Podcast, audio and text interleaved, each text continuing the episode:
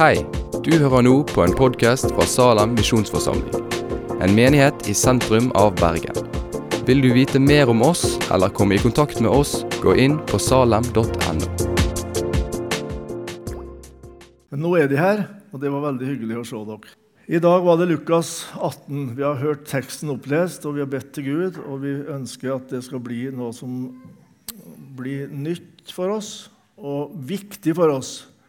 For er det en tekst som er viktig, så er det jo dette her, da, egentlig. Jeg skal ikke lese den om igjen, men jeg skal bare peke noe helt kort i starten på uttrykket 'Se, vi går' opp til Jerusalem, som vi sang.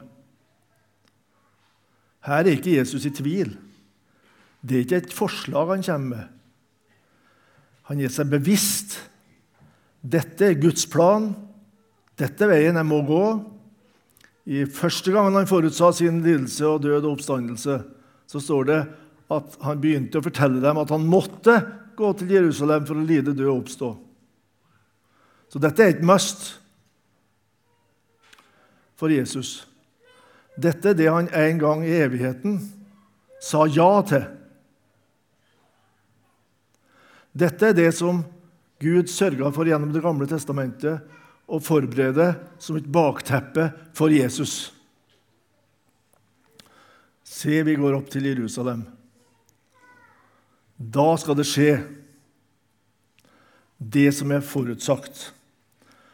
Alt det som profetene har skrevet om, det skal nå skje. Formuleringen er nesten sånn at vi aner dette er hovedsaken i Det gamle testamentet. Det er nå ikke det helt sånn kvantitativt, da, men av tyngde. For hele den gammeltestamentlige frelsesåpenbaringen har et siktepunkt framover mot Jesus. Og det med Jesus, der er kjernen, eller klimaks, det han her sier. Han skal gjennomgå dette av de skriftlærde og fariseere og overprestene, og han skal dø og oppstå. Det nytter ikke å komme forbi at dette er sentrum i Det nye testamentet. Og det er dette som det gamle peker fram imot, som den store stjernen i det kristne budskapet. Krysostomos han levde på 300-tallet, så de har grunn til å tenke at de ikke kjenner ham. Ingen av oss gjør det, men han har betydd veldig mye for kirkehistorien, især i Østkirka. Han sa at eh, i Det gamle testamentet så har vi hendelser som også er profetier. Alt som er skrevet, det betyr ikke bare det som er forutsagt sånn konkret at Jesus skulle sånn og sånn, eller at det skulle komme en frelser. Men det skjedde noen ting som har det vi kaller forbildekarakter. I teologien taler vi om typologi. Det er begivenheter i Det gamle testamentet som peker framover til noe større, som er et slags skyggebilde av det som skulle komme, sier hebreerbrevet. Og Det skal vi se litt på nå, siden dette er så sentralt i teksten, alt som er skrevet om meg. Vi skal ta fire eksempler på dette her, som mer eller mindre tydelig brukes i Det nye testamentet. De kjenner godt fra skolen, de fleste av dere som er på min alder og litt yngre og litt over. Den fortellingen om da Abraham ble utfordra til å ofre Isak på Moriafjellet. En av de litterært sett største aktstykker vi har i Bibelen. Formulert på en sånn måte at vi rives med hvis vi tenker oss at vi aldri har hørt det før. De gikk toeina. Så spør Isak, 'Her er veden, men hvor er lammet?' Så svarer Abraham, 'Gud skal nok se seg ut et offerlam, barnet mitt.' Og så gikk de videre, de to. Korte, enkle uttrykk, subjekt og predikat. Punktum. Inntil klimakset, da røsten lyder. Ikke gjør ham noe vondt. For nå har vi sett at du frykter Gud, og at du er gudfryktig, Abraham. Og så aner vi at her er det noe som kommer inn i stedet for Isak. I Nye testamentet så henspiller Paulus på akkurat den episoden. For i 1. Mosebok 22 står det at Gud sa 'du som ikke sparte din egen sønn'. Ja, ja, han ble jo spara til slutt. Paulus sier 'han som ikke sparte sin egen sønn, men ga ham for oss alle'. I Romerne 8 så blir Abraham et bilde på Gud som gir sin enbårne sønn. Sin sønn den eneste. Abraham med sin eneste sønn, løftesønnen, som da ble berga. Allikevel så blir offerlammet kommet inn der i stedet. Han som ikke sparte sin egen sønn. Jesus ble ikke spart. Der lød ingen røst befri ham ifra det. Han gjennomførte det. Den andre historien det er Josef-historien. I den lille boka jeg har med, som jeg skriver nettopp, så er første kapittelet handler om dette her. Der Josef-historien blir en modell for Jesus-historien. Det gikk så tydelig opp for meg en gang at jeg har huska det og tenkt det hele tida. Og nå fikk jeg endelig skrive det ned også.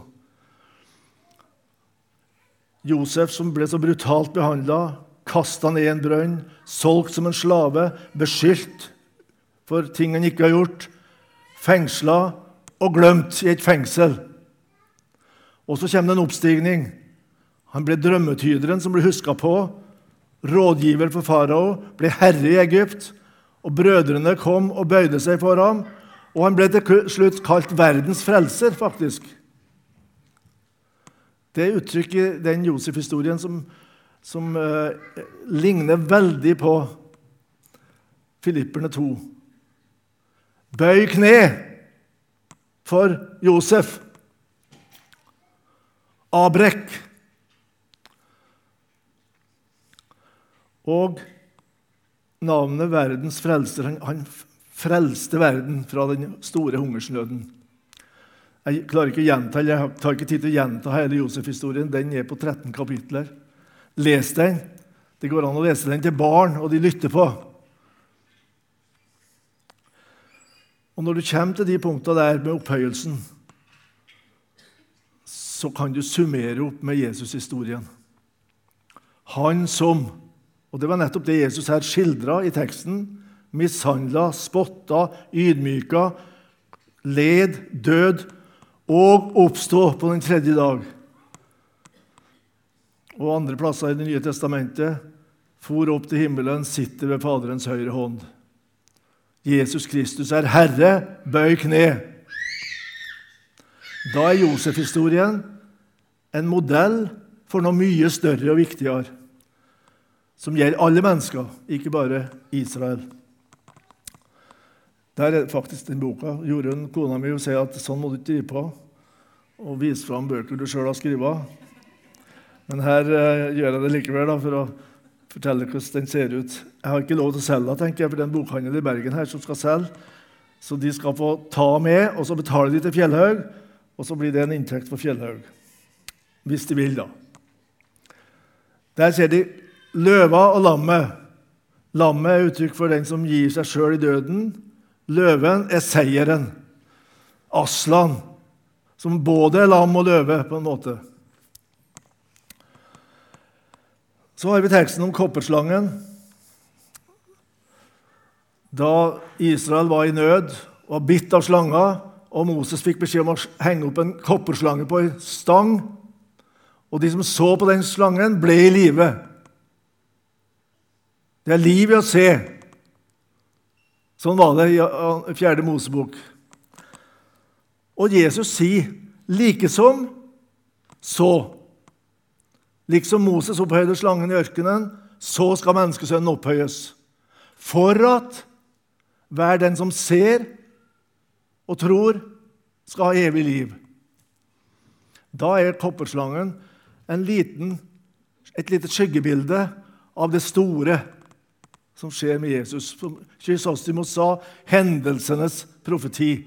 Jesus griper rett tak i det og lærer oss, å, lærer oss å bruke det. Vi kan også se på manna under ørkenen. Manna det var den maten de fikk i ørkenen da de kom over havet, israelsfolket. Rein gave. Og eh, når de samtaler med Jesus om dette underet der, så sier de 'brød fra himmelen ga den dem å ete'. Du er vel ikke større enn Moses? Brød fra himmelen ga han dem å ete. Og så svarer Jesus, 'Jeg er det levende brød som er kommet ned fra himmelen'. Egentlig var ikke dette brødet som kom ned fra himmelen, for dem det sanne brød, for det kom nå. Den som spiser av dette brødet, skal leve til evig tid. Og det brødet jeg vil gi, er min kropp, som jeg vil gi til liv for verden. Så får Jesus integrert sin lidelse og død i det bildet med brødet. 'Jeg er livets brød' kommer i samme teksten. Som en uttrykk for oppfyllelsen av mannaunderet i ørkenen, men med en langt større betydning og effekt, og for mange flere. Dette er typologi, hendelsenes profeti. Og Når vi skal tolke brødunderet i Det nye testamentet, der Jesus omtaler mannaunderet i ørkenen, så skal vi gå så langt som å si at Jesus er livets brød. Og han er det brødet som ble gitt i døden for verdens liv. Dette var fire eksempler på hendelsenes profeti.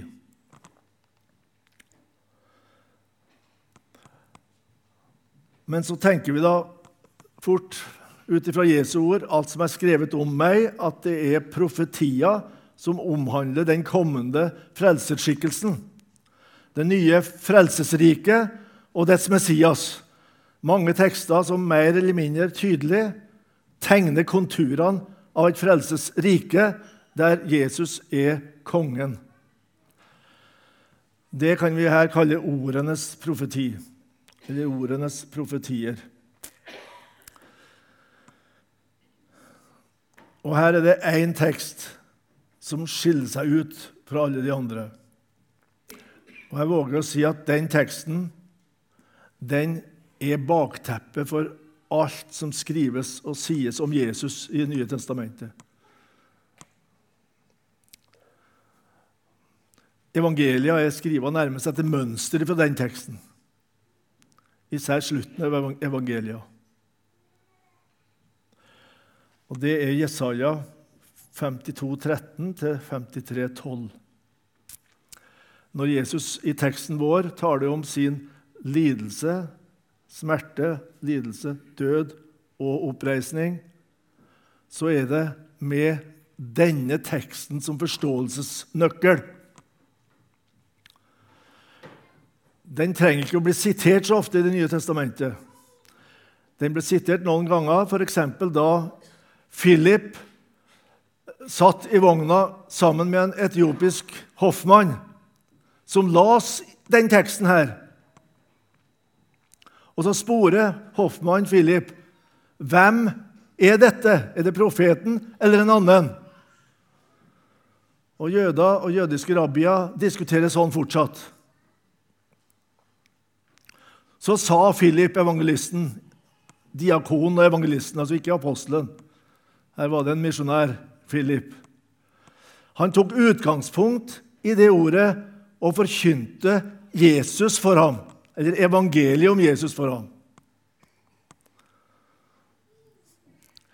Her har vi et lite utdrag av den teksten. Han var foraktet, forlatt av mennesker, en mann av smerte, kjent med sykdom, en de skjuler ansiktet for, foraktet, vi regnet ham ikke for noe.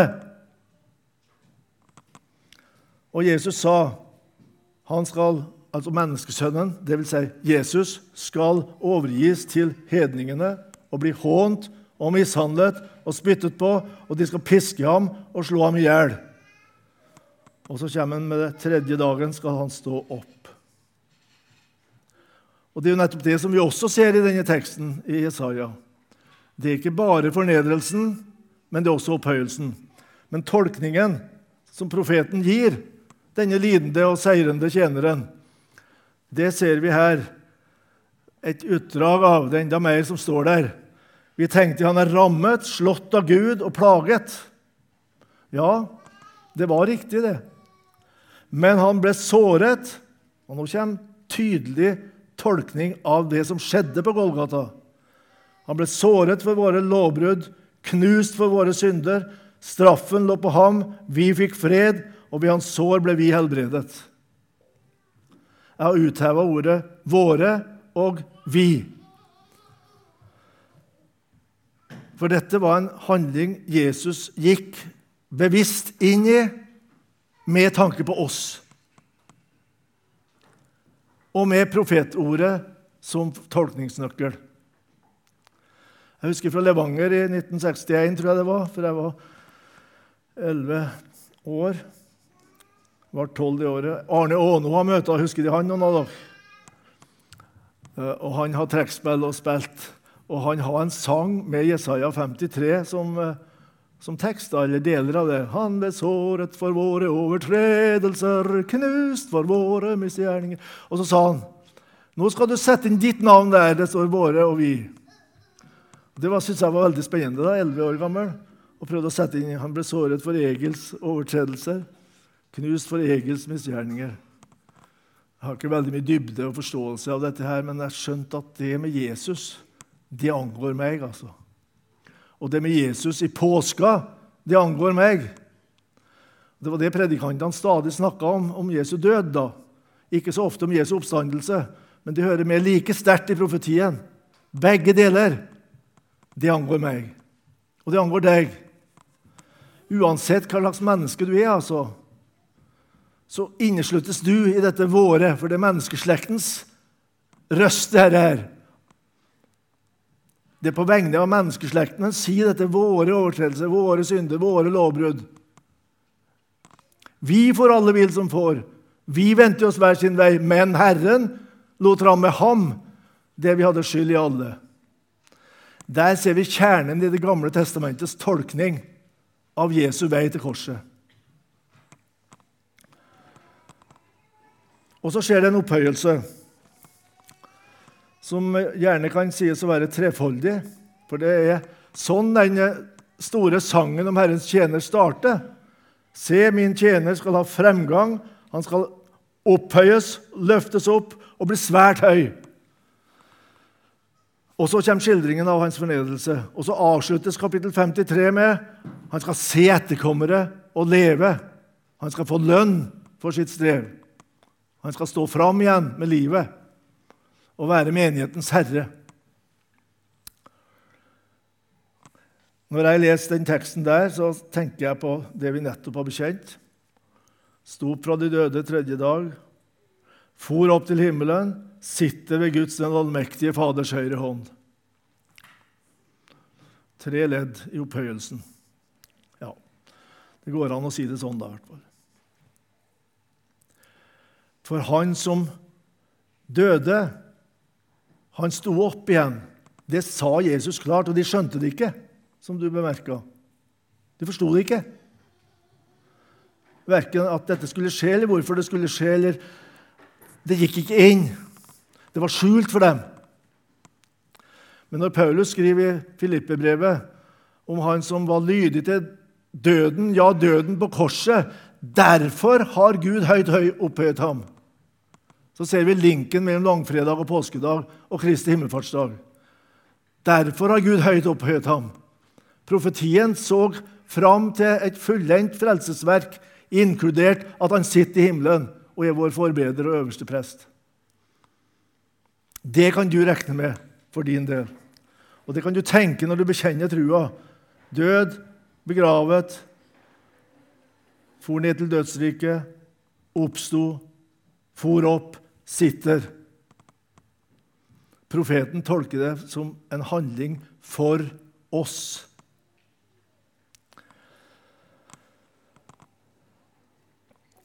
Langfredag, påskedag, Kristi himmelfartsdag. Det henger sammen. I Hebreerbrevet kapittel 2, så sies nå akkurat det samme. Han som for en kort tid ble satt lavere enn englene, Jesus, ham ser vi kronet med herlighet og ære. Det var jo det Jesus har forutsagt av disse tre gangene, hvorav den tredje var søndagens tekst. Han skal oppstå på den tredje dagen. Ham ser vi kronet med herlighet og ære fordi han led døden. Dermed kan vi ikke tale riktig om Kristi himmelfart og Kristi påskedag uten på bakgrunn av langfredagen. De gamle salmedikterne de har forstått dette her. Jesus lever, graven brast. Han sto opp med guddoms velde. Trøsten står som klippen fast, at hans død og blod skal gjelde. Lynet blinker, jorden bever, en brast, og Jesus lever. Dette var skjult for dem. Det forsto de ikke. Men på pinsedag så begynte de en ny utleggelse av Det gamle testamentet. Da forsto de det. Vi vet ikke alt de forsto og ikke forsto fram til da, men Jesus hadde lova at Den hellige ånd skal komme, sannhetens ånd, og han skal veilede dere til hele sannheten. Det sa han til apostlene.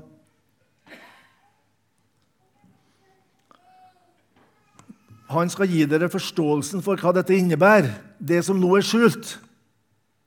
De kan ikke bære det nå, men når Han kommer, sannhetens ånd, da skal Han åpenbare ting for dere. Så Det nye testamentet det er tolkningen av Jesus. Det er iallfall én måte å se det på. Og Det er en ny utleggelse av Det gamle testamentet, der GT ses på som bakteppet for det som nå har skjedd. Og når Paulus får rundt i menighetene, blant jøder i synagogene, så forkynte han at Kristus har kommet. Messias har kommet. Og hvem er det? Jo, det er han jeg forkynner. Hva med han? Jo, han døde. Ja, men det går ikke an. Jo, han gjorde det. Og oppsto igjen. Og så knytter de Jesaja 53 om den lidende tjeneren sammen med kongeprofetiene, fredsfyrsten som skal komme. Og så er han den lidende tjeneren som også blir den seirende tjeneren til slutt. Og som det skal ropes 'bøy kne' for Jesus Kristus. Så da begynte en utleggelse av Det gamle testamentet som ender med Jesu død, oppstandelse og himmelfart. Jeg syns dette er veldig viktig. Og vi må ikke slutte å feire høytider og besinne oss på dette her, hva som har skjedd i historien. Evangeliet det er fakta som tolkes i lys av Det gamle testamentet for oss. Det var det jeg har på hjertet, og nå skal vi be til Jesus. Takk, Herre Jesus, for at du kom, at du er verd vår tilbedelse og lovsang. Takk at du gikk til Jerusalem for å lide, dø og oppstå. Takk at du kommer igjen som den samme som du var, og som du er, som du skal være til evig tid. Takk at vi skal få prise og ære ditt navn forever. Vi takker og priser deg i Jesu navn. Amen. Takk for at du har hørt på podkasten fra Salem, Bergen. I Salem vil vi vokse i et stadig dypere fellesskap med Gud og med hverandre. Vi vil være Jesu hender og føtter, og vi vil være med og forkynne frelse for Bergen og resten av verden. Besøk oss gjerne på salem.no om du vil vite mer.